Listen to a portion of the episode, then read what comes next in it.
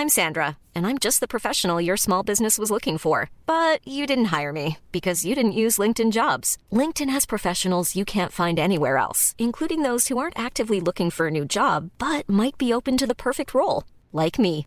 In a given month, over 70% of LinkedIn users don't visit other leading job sites. So if you're not looking on LinkedIn, you'll miss out on great candidates like Sandra. Start hiring professionals like a professional. Post your free job on linkedin.com/people today. There's never been a faster or easier way to start your weight loss journey than with PlushCare. PlushCare accepts most insurance plans and gives you online access to board-certified physicians who can prescribe FDA-approved weight loss medications like Wigovi and Zepbound for those who qualify. Take charge of your health and speak with a board-certified physician about a weight loss plan that's right for you. Get started today at plushcare.com slash weight loss. That's plushcare.com slash weight loss. plushcare.com slash weight loss. When you're ready to pop the question, the last thing you want to do is second guess the ring. At Bluenile.com, you can design a one of a kind ring with the ease and convenience of shopping online. Choose your diamond and setting. When you find the one, you'll get it delivered right to your door. Go to Bluenile.com and use promo code LISTEN to get $50 off your purchase of $500 or more. That's code LISTEN at Bluenile.com for $50 off your purchase. Bluenile.com code LISTEN.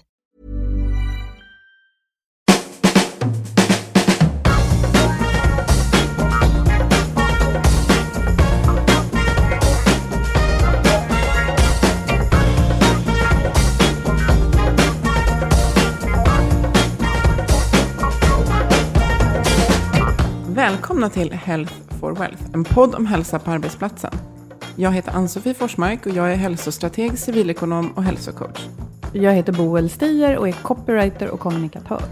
Och idag ska vi prata om något som de allra flesta är bekanta med, antingen nu, tidigare eller jag lovar att det kommer, nämligen konflikter på arbetsplatsen. Och vi kommer prata med Erik Lorinder som kommer från P2 Enterprises som har en lång bakgrund inom, inom både konflikthantering eh, hos polisen, skolväsendet och på företag. Ja, och det här med konflikter, det ingår ju på något sätt i det mänskliga livet och det kan faktiskt föra oss framåt. Vi återkommer till det.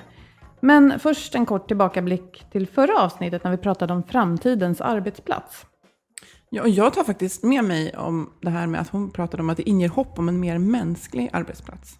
Ja, och jag tar med mig det här att det är inte saker som bara händer oss, utan Eh, framtiden är på väg, men vad gör vi för att se till att fylla den med någonting bra? Och det här med ökad digitalisering kan ju faktiskt ge tid till att leda. Att, ja, inte chefa, utan leda. Ja, och chefen kan bli en robot i framtiden, eller några av chefens uppgifter kan bli roboterade i framtiden, för robotarna kommer att klara av mycket mer komplexa och avancerade uppgifter. Men vår spaning, den var ju ändå att eh, även om många jobb kanske då försvinner, så möjliggör ju det här för andra jobb, Mm. alltså nya behov och mer eh, det här som robotarna aldrig kommer kunna göra, att vara nytänkande och kreativa och möta varandra. Mm. Eller så lyckas de med det också, men vi har ju lite att ta tag i i världen. Så att eh, om vi kan lägga kraft på att ja, fixa stora problem så kanske det är bra. Vem vet? Det är, det är kul att se framtiden an med tillförsikt i alla fall, så det tänker jag göra. Mm. Den 24 oktober, då har vi, jag och Boel alltså, äran att vara moderatorer på Skandias hälsoseminarium med intressanta gäster. Mhm.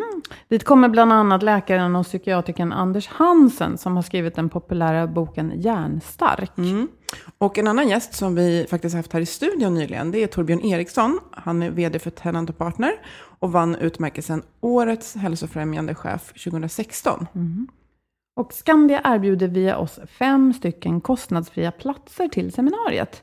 Är du intresserad av att vara med på den här späckade förmiddagen i Stockholm så är du varmt välkommen att göra en intresseanmälan till event skandia.se. Uppge ditt namn och vilken organisation du kommer ifrån. Och skriv gärna hälsa i ämnesraden. Hoppas vi ses. Men nu dags för dagens gäst, Erik Lorinder från, och nu får vi se, är det P2 eller P2? Det kallas för P2 Enterprises. P2E brukar jag kalla det förkortat. P2E. Välkommen hit Erik. Tack så jättemycket. Och eh, i beskrivningen om dig på er hemsida, där står det att du har haft nationellt ansvar inom polisen för att implementera mjuka värden inom polisens taktiker och metoder. Eh, och vad var det för mjuka värden, om du kan berätta? Ja, polisen har ju hårda varor och mjuka varor. Och eh, alltså uniform och utrustning, det kallas för mer hårdvara. Och vårt förhållningssätt och beteenden, attityder mot andra människor, det är mjukvara. Så att, eh, att jobba mer på sin attityd, det är det vi har implementerat tankar kring. Okej. Kan du ge något exempel på någonting ni gjorde? Ja, eh, ett gott exempel är att vi har jobbat väldigt nära forskning. Eh, forskningen från England, professor Clifford Stott och eh, även forskningen från Holland. Det är professor Otto Adang. Och de tillsammans har tagit fram konfliktreducerande principer för hur man ska kunna bygga relation med människor istället för att gå in med repressivitet. Att man slutar bevaka, gå in och stödjer istället. Mm. Mm. Så det de kallas för de konfliktreducerande principerna, men jag skulle kalla det för de, de eh, relationsskapande principerna. Mm. Så att bygga relationer är ett botemedel mot konflikter, är det så enkelt? Ja, en i grunden god relation, där finns väldigt mycket tolerans. Man kan acceptera ganska stora snedsteg. Men en i grunden dålig relation, där finns det ingen tolerans alls och det kan bli extrema konsekvenser på, en, på grund av en bagatell. Mm. mm. Och hur definierar du en, en god och dålig relation? I grunden är att om man, kan, om man känner varandra, om man allra enklast kan tilltala varandra med förnamn, då har man börjat skapa en bild av en människa av varandra. Och eh, motsatsen är anonymitet. Mm. Och så länge vi håller oss anonyma mot varandra så är det lättare också att hysa agg och placera in människor i fack och jobba med sina fördomar man har. Men så fort man börjar lära känna en människa och uh, ha, ge den människan ett namn, då blir det en individ som träder ut ur de här fördomarna. Och uh, alla människor, verkligen alla, bär på fördomar. Och det är hur vi hanterar dem som är det professionellt eller ej. Mm. Att uh, lära känna människor och tilltala dem och se dem, se, höra, förstå dem och bekräfta dem. Det, det är det som leder till att man skapar en relation. Jag tänker direkt på som polis, eh, representerar man ju, jag menar du nämnde uniformen som en del av hårdvaran, så man representerar ju verkligen ja, men våldsmakten om man så vill, för så har vi bestämt att det ska vara. Och då är det ju inte så märkligt kanske att människor i, i affekt och ja, i alla situationer som man kan tänka sig att polisen möter människor just tänker, här är en polis. Eh, det är något som hotar mig, eller man kanske har en bild av att poliser inte beter sig väl mot en, därför att man också är del av en grupp. Alltså, det måste vara ganska tufft ibland att vara polis och att hitta den här relationen. Absolut. För de här teorierna, de är även vända åt andra hållet. Så att när människor beskådar en polis så är det lätt att man stoppar in den anonyma personen i dess eh, polisiära kontext. Så att, säga. att det blir att, att man låter mina fördomar ligga först. Att jag dömer poliskonstapeln mm. utifrån att det är en polis. Mm. Och inte att det är en människa. Mm. Men det är också ett tufft uppdrag för polisen. För då får ju polisen så att säga aldrig begå det där snedsteget att ha en dålig dag och svära eller säga något nedsättande. För då har man ju så att säga belastat hela gruppen. Ja, det är precis vad de teorierna säger. Att allting står och faller på en, en människa. Alla gemensamt måste bygga den här relationen. Och är det så att en i gruppen gör ett snedsteg så kan man få hela gruppen att falla. Vilket tufft uppdrag. Så det är mm. jätteskört korthus man bygger. Mm, verkligen. Och relationer, de bygger man upp långsamt. Och eh, det tar ju tid innan man får en total acceptans eller tolerans mot varandra. Så det är nästan så att man går och väntar på att någon ska göra snedsteget så att jag får bekräftat att de är egentligen inte riktigt kloka. Mm. Även fast de allra flesta överlag gör väldigt mycket bra. Men jag antar att om man förstår hela den här bilden och hur det funkar, då kanske det blir lättare att på något sätt sätta sig över sina egna omedelbara känslor i en hetlevrad situation. Då, och fatta att nu måste jag stå upp för hela poliskåren och faktiskt vara väldigt schysst. Ja. Funkar det så? Ja, det är det som kallas för att vara professionell. Att vara personlig och inte privat. Ja, det pratar du mycket om. Ja, det, det försöker jag särskilja väldigt tydligt. Att vara personlig, då ska jag använda mina kunskaper och mina attityder, min, min styrka, mina fördomar, eller min, inte fördomar, mina, mina uh, goda egenskaper jag har. ska använda så gott jag kan. Så jag ska klara av situationen. Men blir jag privat, då, då blir jag arg på riktigt. Eller blir ledsen på riktigt. Eller jag låter mina fördomar komma fram på riktigt. Och då är jag inte professionell. Jag måste alltså förstå att jag jobbar för någonting större än mig själv. Jag jobbar för en ordningsmakt. Jag jobbar för att, för att det ska bli ordning och reda i samhället. Och då, då måste jag faktiskt eh, hålla mina egna attityder åt sidan. Mm. Mm. Jag tycker det här går ju faktiskt att applicera på man säger, vanlig arbetsplats också. Därför att man eh, kommer faktiskt dit och, och, går in i en professionell roll. Där man arbetar för någonting större än bara sin egen vinning. Det är så eh, grupper och team och organisationer funkar. Och där är man ju inte eh, anonym tills man har lärt sig, eh, eller det är man tills man har lärt sig allas namn. Men eh, hur brukar konflikter på arbetsplatser se ut? Oj, ja, alla människor är ju verkligen olika. Så konflikter är så väldigt, väldigt, väldigt komplext. Så att försöka finna enkla lösningar på sådana komplexa frågor, det, det, går inte. Det är många som försöker komma med enkla lösningar på komplexa frågor. Och det blir bara att man kommer med kraft och skapar motkraft. Och så blir det människor som inte blir sedda, och hörda och bekräftade. Så blir det bara mer irritation.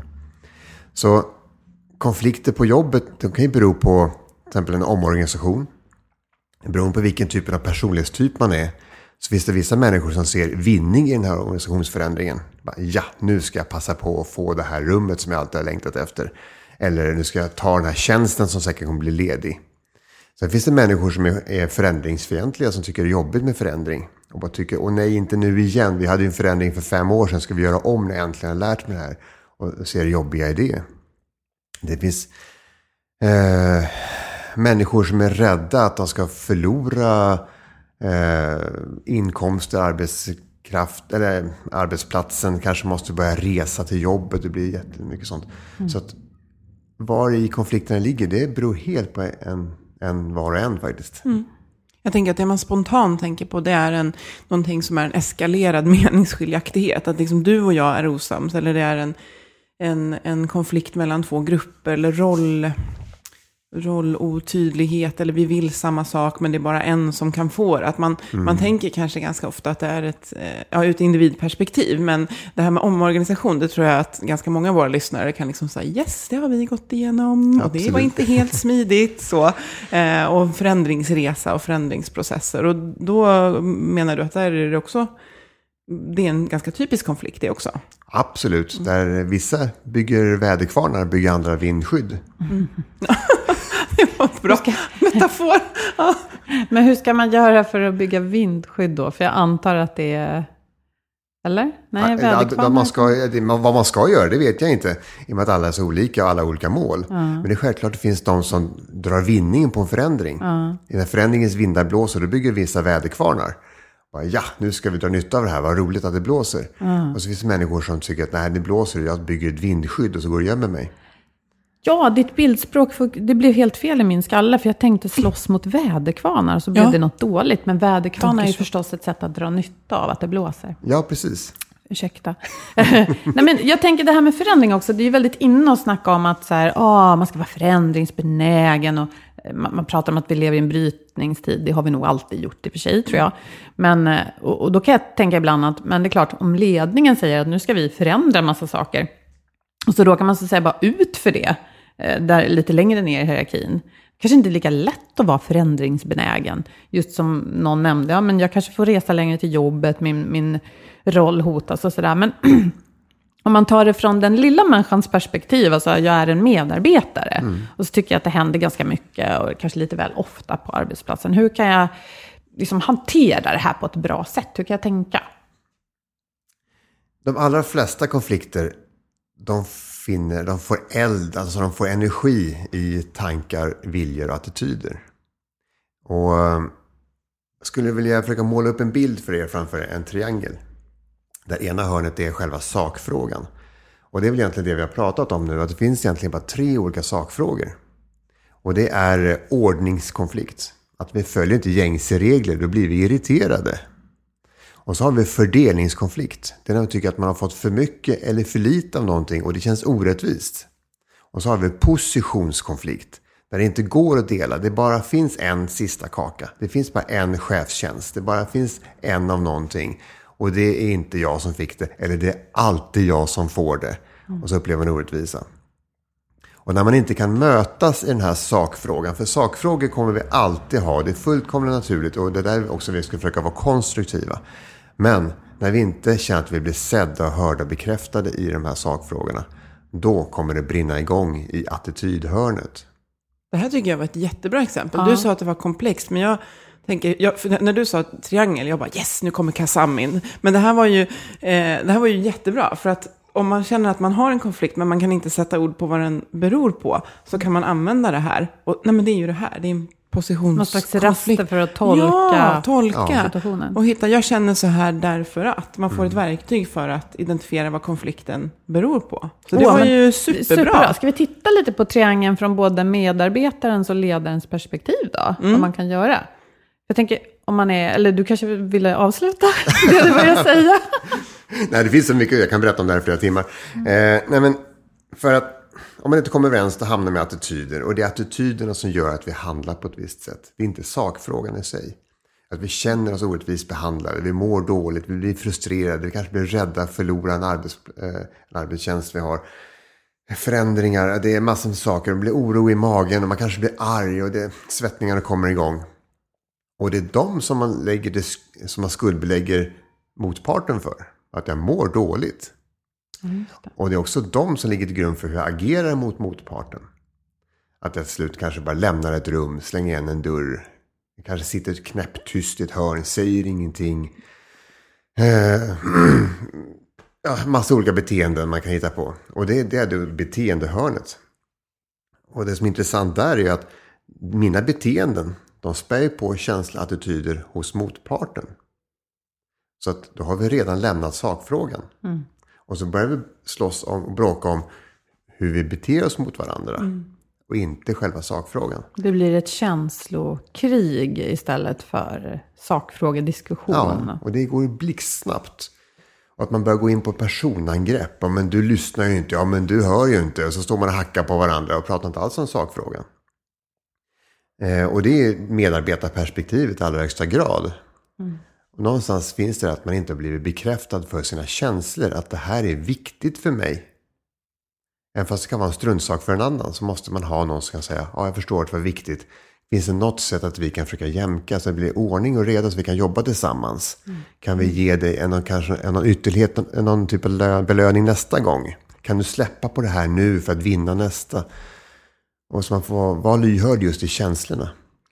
Som enskild medarbetare så kanske man ska tänka på att eh, om, man blir sådär arg, man kanske ska tänka efter, vet chefen om att jag är arg och varför?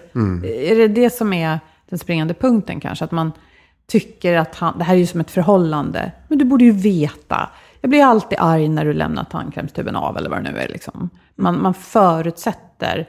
Om man då har en relation som man kan säga, nu blev jag väldigt ledsen eller orolig, eh, skulle vi kunna prata om det här? Är det liksom nyckeln till att... Absolut. Att ha en dialog är ju det är lösningen. Absolut, det är det ju. För att, att vi kivas, vi människor, det är ju ett mänskligt drag vi har. Vi, vi kivas ju hela, hela tiden. Men vi bygger ju samhälle på en form av dialog och att vi känner en tillhörighet. Så det är ju det vi ska försöka backa tillbaka till hela tiden. Hur ska vi kunna arbeta vidare trots att du nu inte fick som du ville? Och då, vi, då har vi pratat om medarbetarperspektivet, hur lätt det är att det liksom brinner loss i attitydhörnet. Men som arbetsledare, då måste man vara väldigt närvarande. Och det är oftast där det brister, att chefen har så mycket med sitt. Eh, en chef, eller en ledare, den ska ha tomt i sin agenda om man är en riktigt, riktigt bra ledare. Wow. Ja, det, ska Det är vara inte tomt. många som har. Nej, det ska vara Nej. tomt i almanackan. För att den människan är där för att se till att, att överordnad chefs eh, order förverkligas ner i den här arbetsgruppen. Och kanske speciellt då i en, i en förändring där man vet att nu kommer det att bli missnöje. För nu eh, då är det ännu viktigare att möta och ta den rollen. Men hur många chefer är trygga i det här? För, för det första så tänker jag, hur många har en tom agenda? Jag tror inte det är någon som räcker upp Nej. handen, men hur många klarar av det här. För det här, det här kräver ju insikt om att det här kommer att leda till eh, en typ av konflikt som jag ska hantera. Vad är min liksom, roll som chef där och hur ja, lär man sig det här? Ja, det kan man lära sig, absolut. Man kan träna sig till att bli bättre. Många människor har det naturligt i sig. De har en egenskap att bara, bara vara ledare. Det finns många som kan bli chefer och så har vi de som har naturligt i sig att bli ledare. Och det som jag tror särskiljer dem, det är ju faktiskt de som är empatiska. Som är inlyssnande och sitter och förstår och känner in och har liksom tentaklerna utåt och kan fånga in signaler hos andra människor. Men det måste också gå att eh, förbättra den egenskapen om man känner att okej, okay, jag borde vara lite mer empatisk och jag borde vara mer intresserad av relationer för jag vill vara en bra ledare. Då borde man kunna jobba på det va? Ja, absolut. Mm. Och då måste man själv förstå att, att, att jag har ett eget ansvar. Jag brukar kalla det för ett vuxet ansvar. Att kunna träda in och vara vuxen. Det är någonstans så, det blir nästan som i en familjerelation. Att föräldrarna måste vara vuxna. Och inte bara att de har en myndig ålder, utan de måste vara också myndiga som, in, som sin personlighet. Och den rollen ska finnas även på en arbetsplats. Att alla förlitar sig på att chefen reder upp det här. Går man till chefen så ska man bli lyssnad på. För det är som att gå till mamma eller pappa när man är liten. De rollerna släpper vi aldrig.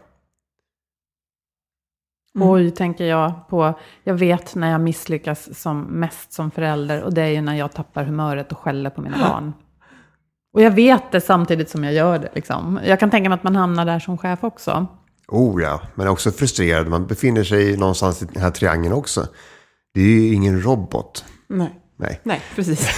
Det är ingen robot. Nej. Men, men, eh, men jag tänker att undrar hur många det är som tänker just att okej, okay, nu, nu ska vi införa någonting där vi vet att det kommer uppstå ett missnöje och osäkerhet. Nu är det jätteviktigt att vi rustar våra chefer med tid. Eh, för att jag tänker att empatisk, och som du säger, det, det klarar man av att vara när man har lite luft i kalendern och, och hjärnan är liksom, man är inte i sin reptilhjärna. Men chefen är också bara en människa, så att det, det krävs förutsättningar för att ta den här rollen som krävs för att hantera konflikter. Så jag tänker, det kanske är ett medskick att ska det till en omorganisation eller en förändring eller något jobbigt sker, då behöver cheferna få mer tid att just ta hand om det här. Och, mm. ja. Ett sätt som jag har sett det, är att ah, samtliga anställda måste vara införstådda med vad chefen vill. Och då går man ändå upp till huvudman, vem som verkligen äger företaget och vad är dens bild av ett företag? Vad vill jag få fram av det här? Vad ska vi producera? Vilken tjänst ska våra kunder få av att köpa våra produkter?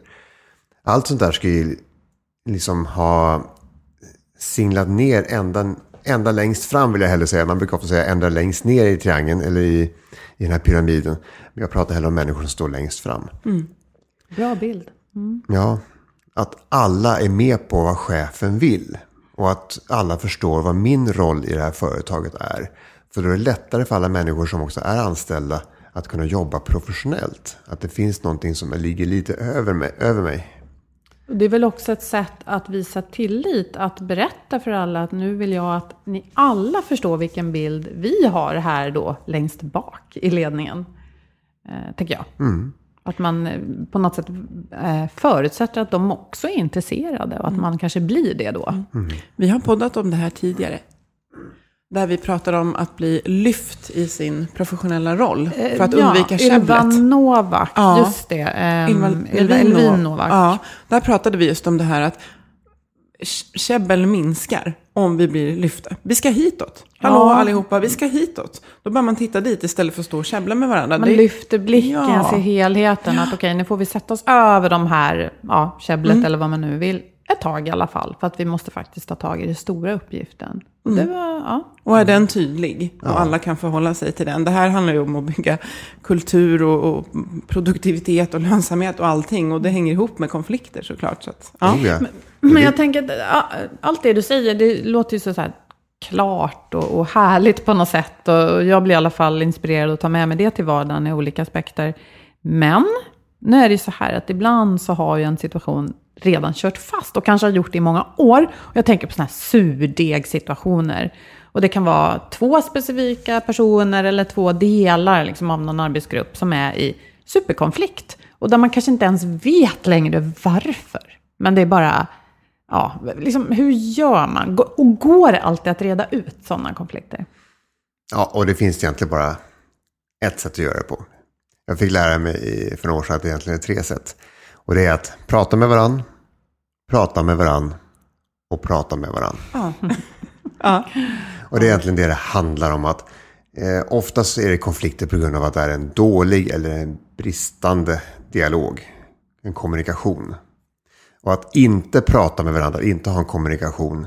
Det, det spär bara på konflikten. För då, då får tankarna själv gå igång på hur elak den andra människan är. Om man sitter på sitt, sitt kontor och bara, man kan inte sova på nätterna och allting bara ältar kring hur eländig den här människan är. Så bara genom kommunikation så kan man rasera det fullständigt. Och jag minns själv en konflikt jag hade med en kollega på jobbet. Vi hade en konflikt om hur vi skulle ha vår pedagogik när vi undervisade.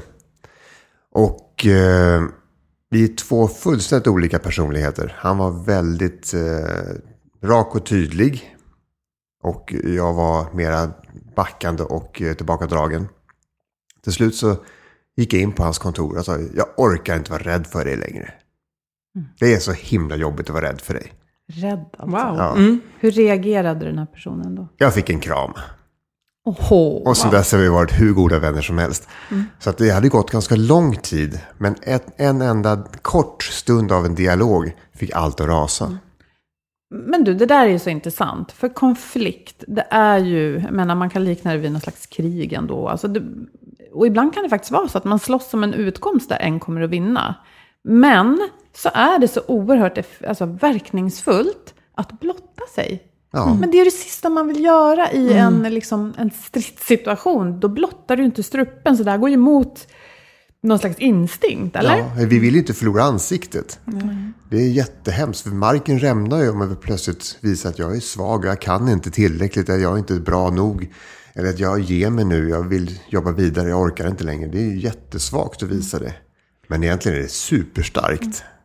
Jag tänkte också, det du beskrev nu, det var ju verkligen en sakfråga. Det var ju att lösa en, en sakfråga. Vi ska Ja. göra på det här sättet. Och så det var, hade ju egentligen inget mer som personer att göra. Men ni hade hamnat i ett läge där sakfrågan som sagt var tiden och det handlade om beteenden och känslor för varandra. Och jag tänker att skulle man kunna klara av där också backa och titta på, men hörru, vi är ju inte osams som personer. Vi ser ju bara olika på den här. Man kan oftast behöva lite hjälp utifrån då, tror jag. För att de här, det här känslohörnet, attitydhörnet är så otroligt starkt. Och ofta så kanske man går omkring och är förbannad på en människa som inte ens vet om att man är förbannad. Och, och så vill man gärna ha rätt, för hjärnan har ju en massa fördomar. Och så går man och väntar på att någonting ska bekräfta att jag har rätt. Ah, nu sa han sådär, ah, nu hände det där, ah, jag har rätt, det är en riktig idiot. Och så går jag och förstör min egen dag och den andra människan har ingen aning. Man sprider det här giftet. Liksom. Ja, och jag tror många konflikter beror på helt enkelt på att vi håller på att elda igång konflikten i oss själva. Vi håller på att sabba för oss själva. Och motparten kanske inte har minsta aning om att det pågår. Men alltså det här är ju märkligt. För man, tänk, man pratar ju ibland om så här, "Ja, på grottiden och hjärnan är 40 000 år gammal. Ja, sådär. Eh, någonstans så har vi ju faktiskt överlevt, inte bara för att vi vill eh, eh, så här slåss eller ta ner den här björnen, utan också för att vi har lärt oss samarbeta. Samarbete, mm. Helt Så varför kör hjärnan igång de här mekanismerna som faktiskt pajar för oss? Ja, det tror jag det är alla psykologer grubblar över faktiskt. Så Jag kan inte ge riktigt svar på det. Om det ligger till gagn för vår överlevnad att eh, ha fördomar mot sånt som vi kanske tror är farliga, så vi undviker det. Så kan det kanske vara. Så att om du är min chef så behöver jag prata med dig om, om vi är i en konflikt, eller, eller du är min kollega. Men det är klart, om du vore en farlig björn, då skulle det här liksom, instinktiva reaktionen kanske vara bra. För att jag, det skulle vara enda sättet att överleva. Det kan ju vara något sånt då. Vi kan spara den frågan till någon annan gång. Men, nej, men jag tycker det är intressant det här, för att ibland behöver vi kanske mm, våra instinkter. Jag vet inte, Daniel Kahneman pratar om så här system 1 och system 2. Alltså vi, men vi behöver ju också våra instinkter ibland, för att de kan göra att vi springer ut ur ett hus eh, eh, som brinner. Alltså den här snabba reaktionen. Men då kan man ju säga att till vardags på jobbet, så brukar vi oftast inte stå inför sådana hot, utan hoten är ju snarare att vi målar upp bilder av eh, hur någon annan är. Och att vi kan liksom rasera de här konflikterna med att prata. Men jag tänker också att i samhället så eh, bygger några sådana här grund... Eh, alltså några bärande system bygger ju faktiskt på en konflikt som också kan vara vänlig, eller åtminstone artig. Jag tänker på forskarvärlden, så är det ju så att du tar fram din kunskap och meningen är att det ska vara transparent. Och därför då om jag ska doktorera eller lägga fram en C-uppsats, då måste någon opponera och peka på brister och jag måste liksom respondera på dem. Så där har vi byggt in en konflikt som ska vara så att säga byggande. Och vi har också det politiska systemet där vi har då bestämt i en demokrati i alla fall att vi behöver ha olika röster. Och de här liksom behöver fightas. Men, men man behöver ändå ha en schyssthet, för annars sprids giftet. Och jag känner att det där är en stark koppling till vad vi är idag. Idag är diskussionen väldigt giftig. Har du någonting att dela med dig av till den här publika diskussionen som, som eh, pågår? Jag menar, om man hamnar i en hetsk diskussion på, på Facebook eller någonting. Ska man tänka då så här, ah, varför är den här människan arg? Eller vad kan, jag, vad kan jag säga där för att liksom... Oj, det var en stor fråga. Jag skulle vilja backa lite där för att vi har ett behov av att bli sedda, hörda, och bekräftade. Eh, Maslow skapade en typ av behovstrappa på, eh, när levde han? 60-talet tror jag han gjorde den mm. behovstrappan. Och den har man kommit fram till på efterhand nu att den var helt påhittad. Men den ger i alla fall en liten hint om att vi har ett behov av att mörker ska det inte vara. Vi ska ha ljus, vi ska ha värme, vi ska ha mat, vi ska ha mm. dryck, vi ska ha närhet, kärlek, kunskap, makt och så vidare. Men ganska tidigt där så har vi ett starkt mänskligt behov av att bli sedd, hörd och bekräftade. Och när inte den tillfredsställs, då blir vi besvikna. Och mycket tror jag kan bero på att vi ropar efter bekräftelse. Mm. Och vi tycker det är skönt när andra tycker likadant som oss själva, för då blir vi bekräftade. Mm. Och det kan vara en orsak till varför folk uttrycker sig på sociala medier.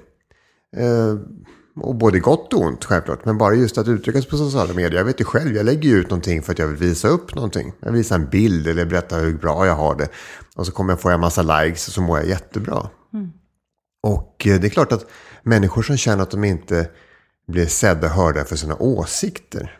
De hittar ju forum där de kan uttrycka de åsikterna och, och så dunkar de varandra i ryggen och säger att gud vad vi är bra.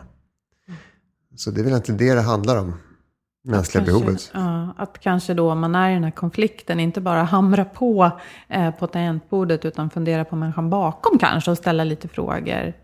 Att vara, ja, jag vet inte, nyfiken utan att vara hetsk kanske. Ja, och våga vara lite kritisk. Kritisk mot sig själv. Mm. Att eh, innan jag trycker på sänd läsa det här lilla inlägget ett par, tre gånger och förstå att det kanske inte blir uppläst med samma inre melodi som jag själv hade när jag skrev det. Mm. Och just kanske det här när man svarar, att man, man riktar sig till sakfrågan och inte så här du, du som person. Men, men det är ju lätt där vi, där vi hamnar. Jag bara tänker hur man, den här retoriken man ska lära sig till barnen, att det du gjorde var dumt, men du är inte dum. Vilket är super, super viktigt för de liksom mm. byggs ju medan vi vi är föräldrar till dem eller pratar med dem. Men, men, eh, och sen tänker jag också på det här med, eh, du nämnde liksom med sociala medier, att där eh, så ser ju inte jag dig framför mig. och det försvinner ett filter, för det, det, de har ju, det här har man ju gjort på någon, jag tror det var Uppdrag granskning eller vad det var, att man skriver saker men du skulle inte våga gå och säga det till någon som person. Att kanske just vilka forum ska man ta konflikter i eller meningsskiljaktigheter? Det kanske är skriva i affekt i text. Det kan bli ganska tokigt. Medan om jag går till dig som person och berättar, så här känner jag när du gjorde så här. Mm. Så här man, ja. och, och det vet jag också om, om jag skriver ett mejl till dig och det är viktigt för mig att jag är tydlig för jag vill att du ska förstå. Så läser kanske du det som om att jag vore sträng. Mm. Mm. Och att jag är näsvis. Mm. Så att det är, konflikterna ligger alltid hos oss själva hur vi tolkar vår egen attityd och våra egna känslor. De spelar liksom in i situationen. Mm. Ja, ja, men det är okej. Okay. Det, det, det var jätteviktigt att ta till sig att, eh, att vara lite kritiskt granskande mot sig själv. Det kanske inte att man behöver säga åh, vad du är dålig, utan snarare så här, hmm, om jag nu gör så här, vad händer hos mottagaren då? Att, att ta sig den tiden kanske alltid är smart. Jo, absolut. Det, måste, det, det är svårt, absolut. Annars hade vi inte haft några konflikter. Så eh, det, det är jätte, jätteknepigt, men eh, det är också det man ska försöka träna på. Och i allra högsta grad när jag gör det på min arbetsplats. När jag är anställd för att utföra ett arbete för någon annan. Där jag försöker bygga upp en, en eh, företagskultur som jag kanske måste inordna mig i. Så då måste jag jobba på min professionalitet. Att släppa det privata och träna på att tänka lite längre. Mm. Absolut. Har du någon, jag tänkte så här, någon, någon berättelse, något, någon situation som du har varit med att reda ut som du tycker att du vill dela med dig av? Det skulle vara intressant att höra. Oj, oj, oj. Ja, Du har väl säkert många förstås, men Ja, men det, i och med att jag har jobbat med, så mycket med organisationsförändring så eh, har jag inte så himla många exempel på där det varit på individnivå. Eh, jag har jobbat en hel del med eh, bibliotek kontra fritidsgårdar i kommuner i landet. Och det beror på att biblioteken har tenderat att bli eh, fritidsgårdar. Människor söker sig till biblioteken för att, de, för att det regnar och de väntar på bussen. Eller det, skolan är slutad och de vet inte var de ska gå så de hänger på biblioteket. Och eh, till slut så har det blivit utanför bibliotekets norm för att man ska vara tyst. Och man ska sitta och läsa sin bok. Det börjar bli högljutt. Och när ingen berättar och säger till i tid så, så blir det en norm att där får man sitta och småsnacka. Och rätt för det så åker fötterna upp på bordet och sen så är det någon som råkar skriva någonting på ett bord. Och ja, det, det är liksom långsamt chanserar. Och nu börjar biblioteken vakna till och tycker att det är påfrestande.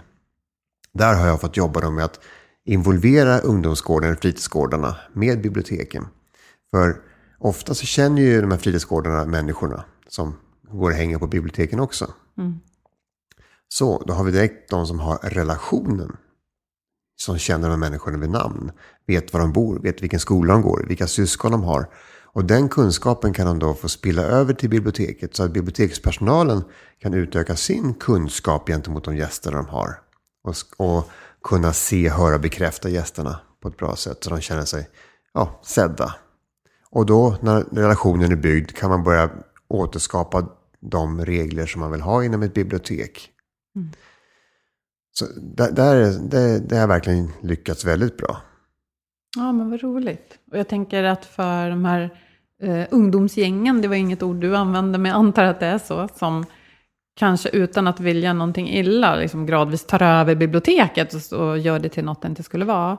Det är kanske också så att de ser vilka som jobbar på biblioteket, att det då inte är några eh, ja, jag vet inte vad man hade för bilder av dem innan då. Antingen tysta figurer som man inte behöver bry sig om, eh, alternativt sura gubbar och tanter. Det är väl liksom relationen byggs väl åt det hållet också. Ja, och eh, allra högsta grad byggs den på att det är en anonymitet. Att personalen är anonym. Tycker kanske är lite obehagligt med, med, med de här ungdomsgängen. Och vet inte hur man ska hantera och möta dem.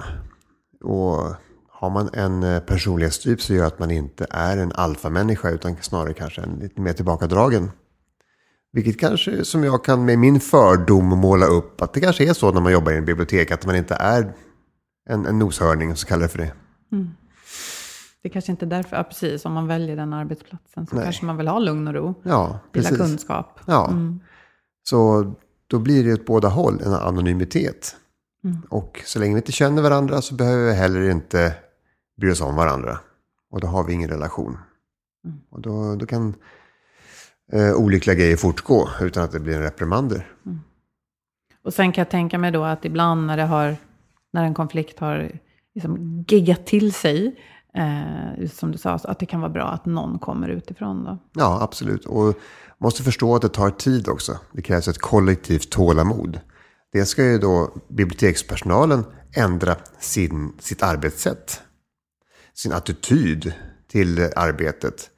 Och ha förståelse för att den resurs som finns tillgänglig är de själva. Att det, vi kan inte anställa fler personal för att hantera det här, utan det, är befintlig personal. Och då blir det att någon får vara mera värd, äga rummet, hälsa folk välkomna. Hej, vad heter ni? Kan jag hjälpa er med någonting? Vad är det ni söker? Vill ni sitta och värma er innan bussen kommer? Då är ni välkomna att sitta här borta där vi har förberett kaffe till er. Så man underlättar för människors mänskliga behov. Så istället för att ställa sig och vara någon slags eh, vakt så blir man värd. Exakt, ja. Och det är precis det som jag jobbar med inom polisen, med inom supporterkulturen som jag ansvarar för att utveckla i Sverige. Att polisen skulle bli en, mer, en värd. Äga rummet, äga parken, äga den här torget, vara först på den här krogen där man ska samlas. Och att hälsa folk välkomna och säga vi ska hjälpa er, vi ska hjälpas åt, vi ska tillsammans gå upp till arenan sen när det är dags för avspark. Och det här kommer gå lugnt till, eller hur? Jajamensan, vi hjälps åt med det. Så tidigare var ju polisens roll en mera bevakande roll. Man stod och väntade på att det skulle bli oroligt och ingrep man. Och då var det som att hälla bensin på elden. Det blev bara värre. Men är man, och det är det här man också plockar in i företaget. Att chefen ska vara den här vuxna närvaron. Som hela tiden finns och lyssnar in intentioner. Vad vill människor? Vad sa han nu? Vad är det för konstig blick? Varför gick han eller hon när den kom? Så att man finns med där hela tiden. Och kan känna av intentioner. Det är jätteviktigt att till skillnad från en chef som står och bevakar vid sidan av. Jag finns på mitt kontor om det är något. Nej, då är man lite skygg. Och då kan man låta konflikterna få eld. Eller få bensin på elden.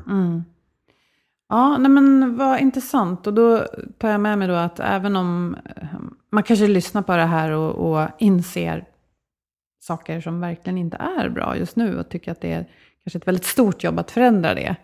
Eh, men då tänker jag att då ska vi väl ingjuta lite mod i våra lyssnare. För precis som att de flesta föräldrar inte är perfekta föräldrar Nej, och man faktiskt kan få be sina barn om ursäkt ibland för att man har brusat upp så kan man säkert göra ett omtag som chef också. Absolut, det är aldrig för sent att börja om. Nej då. Och det, det kan vara roligt också. Och transparens är superduper viktigt.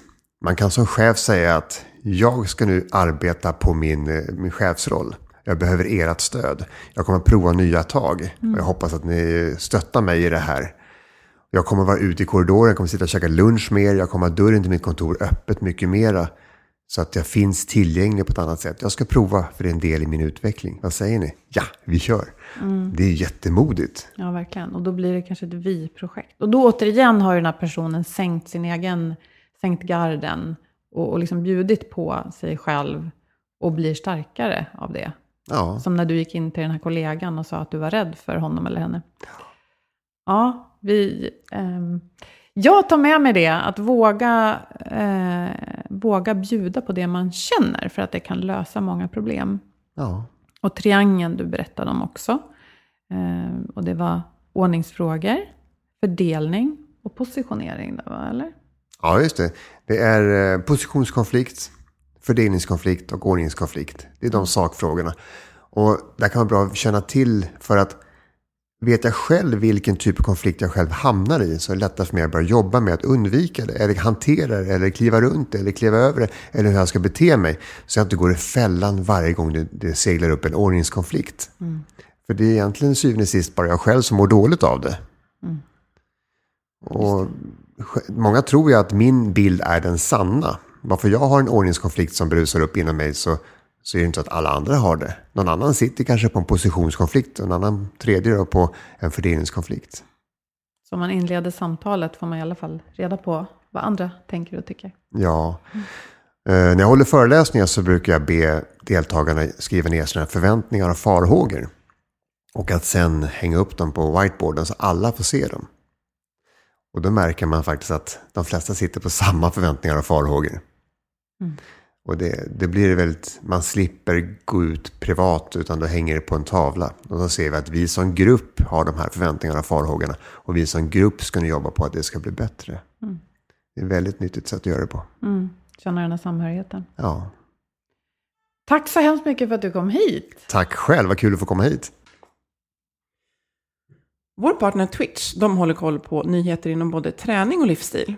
Och nu senast hade de testat ett nytt gym i Stockholm till exempel, men fokus ligger förstås på det som sker på arbetsplatsen. Och i ett blogginlägg på hemsidan så delar de tips på en övning att ta till när det känns som agendan är lite all over the place, för att citera prins Daniel.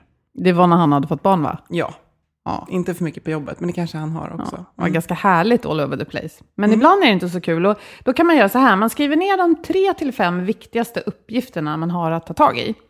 Och det här gäller både jobbet och, och privat förstås. Sen kan man rangordna dem efter hur viktiga de är, hur lång tid de tar att färdigställa och i vilken ordning de ska färdigställas. Och sen ska man fokusera på ovan uppgifter en i taget och försöka göra det genom att arbeta ostört. Och det här kan man, då kan man bara tänka lite på sin liksom, arbetsmiljö runt omkring, att begränsa sånt som kan störa, till exempel mail, sms, Facebook, Messenger med mer, stänga ner sånt. Mm. Det måste jag bli bättre på. Och prova gärna den här redan idag och glöm inte att även planera och prioritera motion, återhämtning och andra hälsoaktiviteter. Mm, sånt som får oss att må bra. Läs mer på Twitch blogg. Vi tackar för oss och hoppas att ni vill delge tankar och frågor och kanske till och med önska en gäst. Och ni når oss i våra sociala medier på Facebook-sidan, på LinkedIn och på hemsidan healthforwealth.se.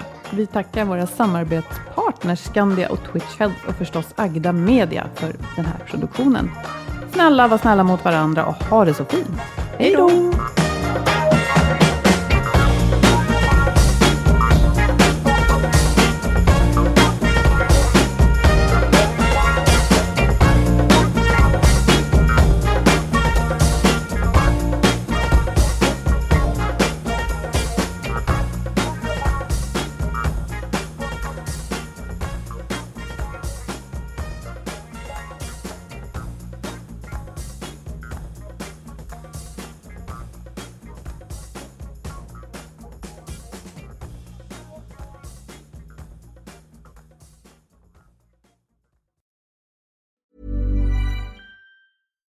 Here's a cool fact a crocodile can't stick out its tongue.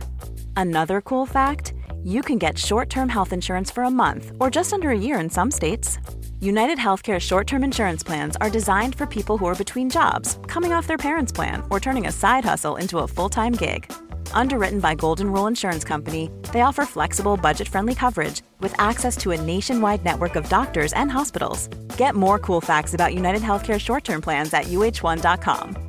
Mom deserves the best, and there's no better place to shop for Mother's Day than Whole Foods Market. They're your destination for unbeatable savings, from premium gifts to show-stopping flowers and irresistible desserts. Start by saving 33% with Prime on all body care and candles. Then get a 15-stem bunch of tulips for just $9.99 each with Prime. Round out Mom's menu with festive rosé, irresistible berry chantilly cake, and more special treats. Come celebrate Mother's Day at Whole Foods Market. Imagine the softest sheets you've ever felt. Now imagine them getting even softer over time. That's what you'll feel with Bowl and Branch's organic cotton sheets. In a recent customer survey, 96% replied that Bowl and Branch sheets get softer with every wash. Start getting your best night's sleep in these sheets that get softer and softer for years to come. Try their sheets with a 30-night guarantee. Plus, get 15% off your first order at bowlandbranch.com. Code BUTTERY. Exclusions apply. See site for details.